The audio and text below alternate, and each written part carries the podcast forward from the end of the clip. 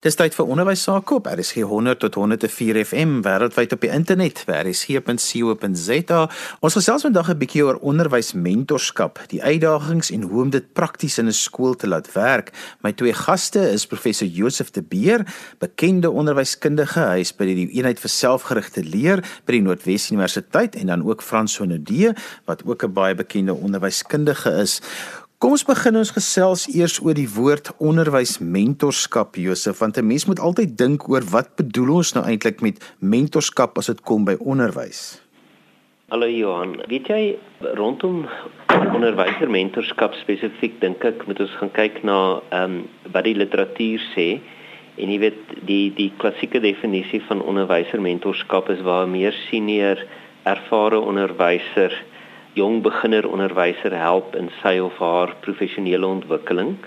En ek dink die die mutualistiese verhouding wat ontstaan in so 'n mentorskap is dat die senior persoon byvoordele ontvang of erkenning ontvang en ek dink ook net die affektiewe belewenis om te weet ek maak 'n verskil en ek kan belê in 'n jonger kollega, jy weet amper die aflof aflosstokkie ehm um, aangee vir vir 'n jonger kollega.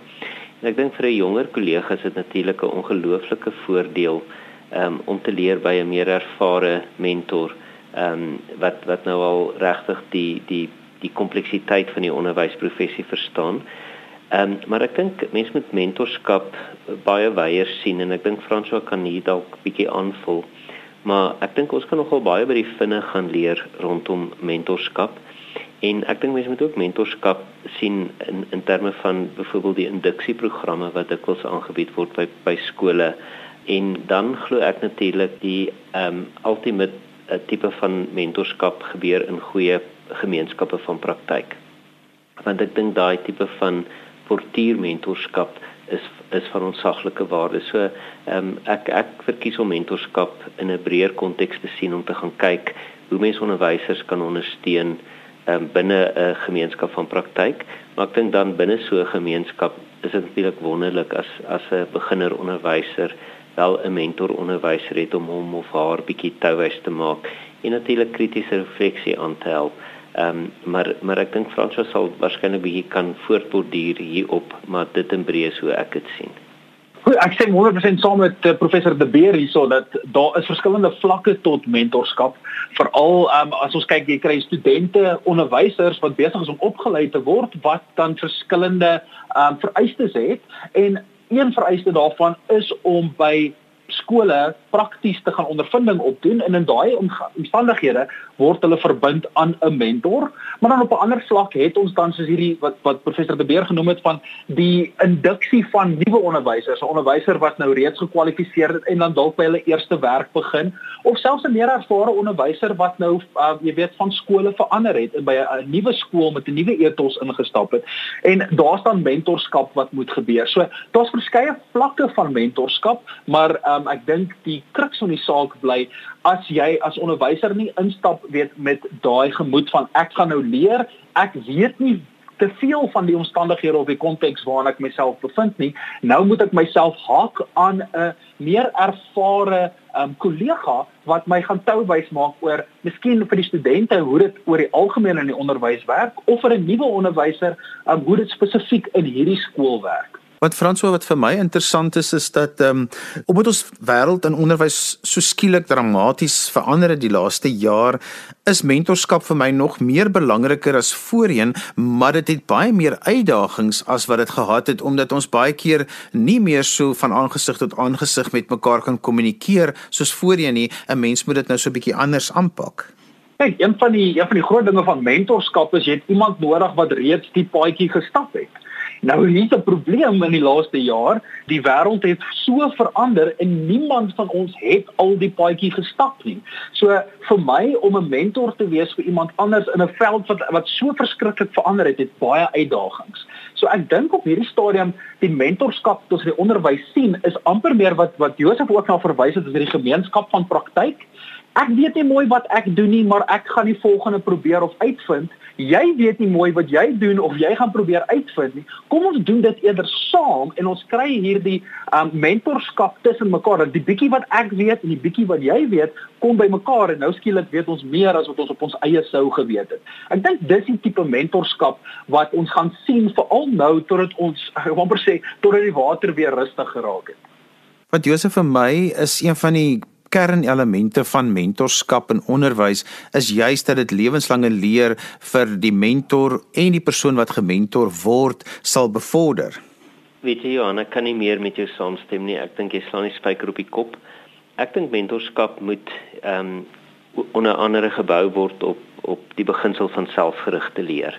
En ek dink Fransos se voorbeeld nou van COVID-19 ehm um, en die feit dat dat ons baie meer van vervlegte leer gebruik gemaak het ook op skoolvlak waar dit net nie veilig was op 'n stadium tydens die harde uh, inperkingstyd vir vir kinders om skool toe te gaan en onderwysers moes noodgedwonge leer hoe gebruik ek hierdie virtuele platforms en aanlyn leer om my kinders te ondersteun.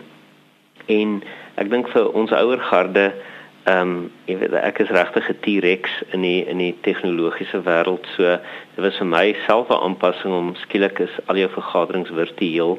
Ehm um, en jy weet jy gebruik platforms soos Google Meet of of Zoom of wat ook al.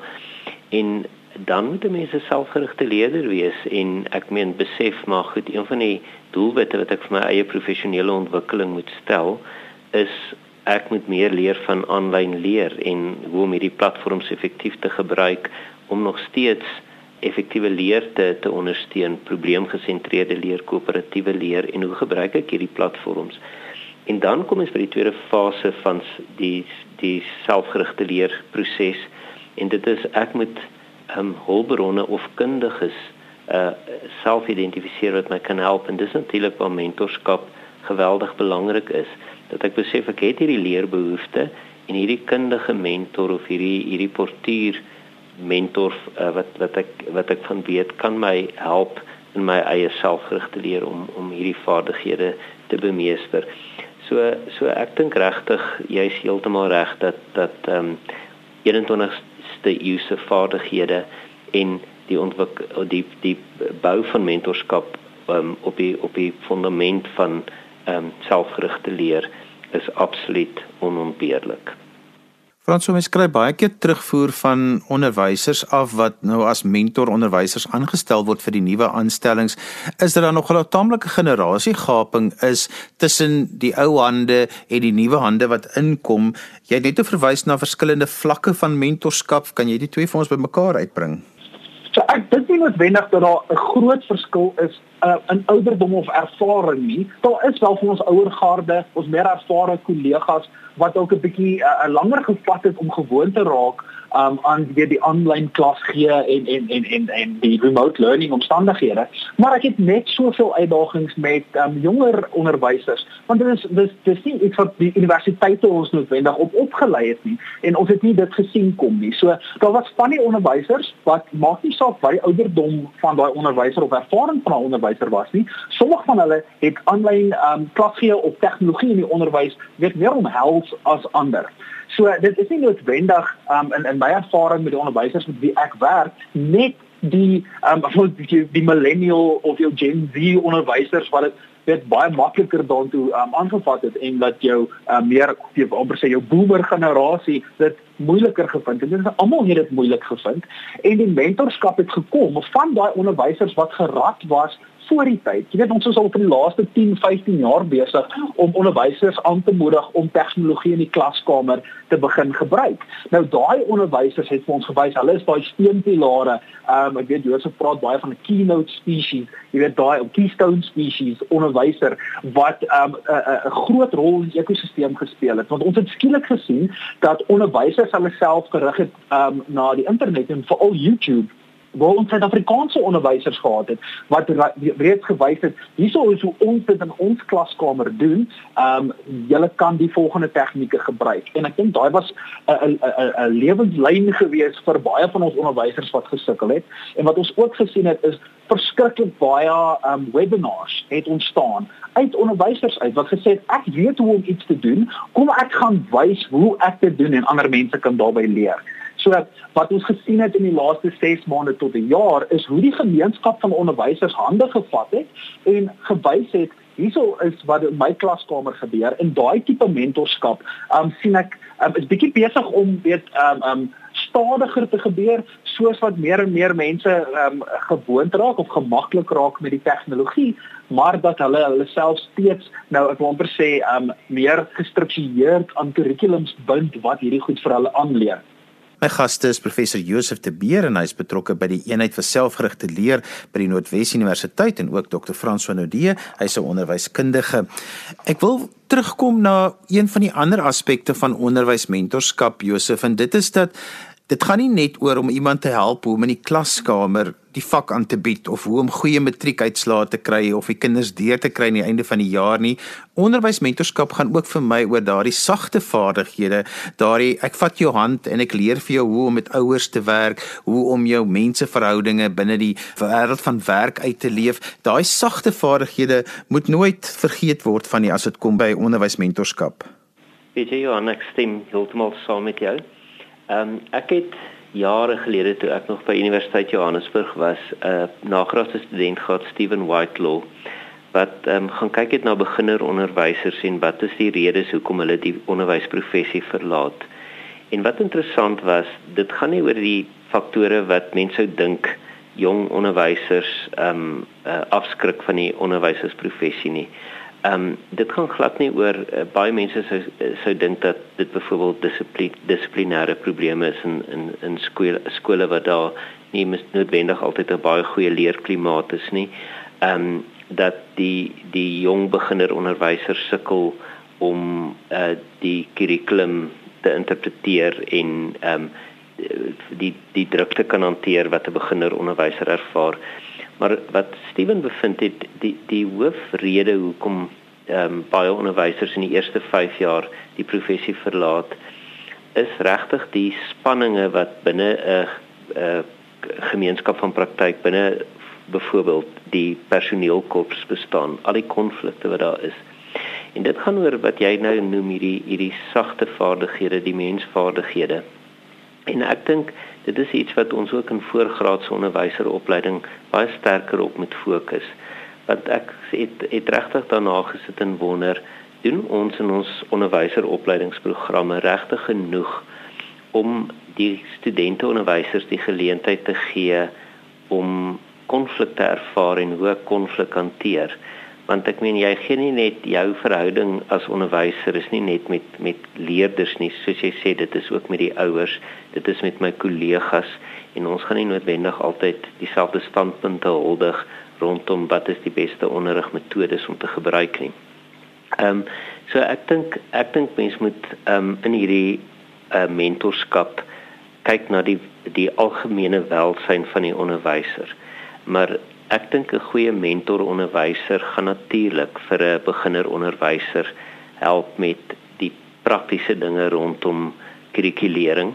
Ehm um, ek dink in onderwyseropleidingsprogramme word baie teoreties gekyk na teoretiese raamwerke. Ehm um, ons byvoorbeeld by die Noordwes Universiteit uh, kyk nogal baie na sosiaal-konstruktivisme. En dit is belangrik want ek meen uh, dit dit maak dit 'n onder, jong onderwyser onderrig leer teorie uh, of filosofie het wat sy of haar onderrig gaan gaan ondersteun en dit is belangrik. Maar maar daar word min aandag gegee aan praktiese dinge van rondom die kurrikulum en die kurrikulum verander en ek dink onderwyseropleiding is baie gefokus op die generiese ehm um, fundamentele aspekte wat 'n onderwyser moet weet. Maar daar is sekere praktiese dinge wat ek dink 'n onderwyser eintlik eers leer as hy by 'n skool kom. En ek dink dis waar mentorskap en induksieprogramme 'n baie groot rol kan speel om hierdie onderwyser te help met met wat beteken ek het die basiese kennis, ek het 'n baie goeie fundament, maar in die praktyk hier almost in the cold face of teaching and learning hoe doen ek dit? En hier kan ek leer by 'n baie meer ervare mentor.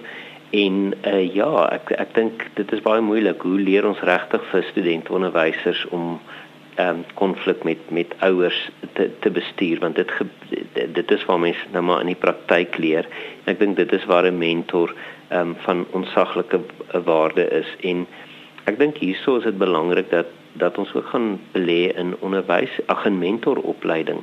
Want ek dink een van die sleutelaspekte is dat 'n mentor daai weldeurdagte vrae moet kan vra wat kritiese refleksie kan stimuleer. Ek wil weer eens terugkom by selfgerigte leer. Ek dink mense moet oppas in mentorskap ook vir resepte. Ek dink mentorskap moet daaroor gaan om die ehm um, persoon wat jy mentor te lei as 'n selfgerigte leerder om uiteindelik self oplossings te vind maar met jou ondersteuning en ek hou baie van die Engelse woord scaffolding dat mense op hierdie hierdie mentorskap reis die scaffolding verskaf die steier bou en deur wel deur dag te vra um kritiese refleksie te reflekteer te, te te stimuleer en en saam dat dat ehm um, mense kan oplossings vind. Ehm um, maar maar ek sê heeltemal saam. Ek dink mense moet gaan kyk na ehm um, meer is net die die kurrikulum en die die akademiese aspekte van onderrig. Ek dink hierdie sagte vaardighede en veral ook hierdie spanninge hanteer met bestuur met my kollegas met ouers is is ongelooflik belangrik. François, ek neem aan jy wil aansluit by Josef. Verseker. Wat Josef hierso sê is van kardinale belang.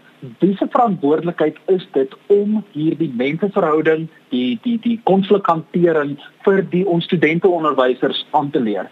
Nou, ek dink die universiteit se mandaat is om 'n onderwyser so op te lei dat hulle, jy weet, in die klaskamer kan klas gee dat hulle die die nuances van die onderwys uh, professie kan verstaan.